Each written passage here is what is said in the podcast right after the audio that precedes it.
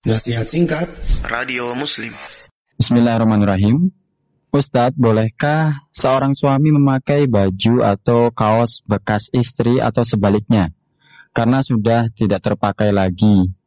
Yang kaos atau pakaian tersebut tidak ada ciri-ciri uh, milik laki-laki atau perempuan. Apakah itu khas wanita atau pria? Apakah itu termasuk tasyabuh dengan lawan jenis Ustadz? Mohon penjelasannya. Ya, jika kaos tersebut netral, ya, biasa dipakai laki-laki, demikian juga biasa dipakai oleh perempuan boleh. Namun jika tidak netral, uh, kaosnya itu ada uh, apa? Ada bunga-bunganya gitu.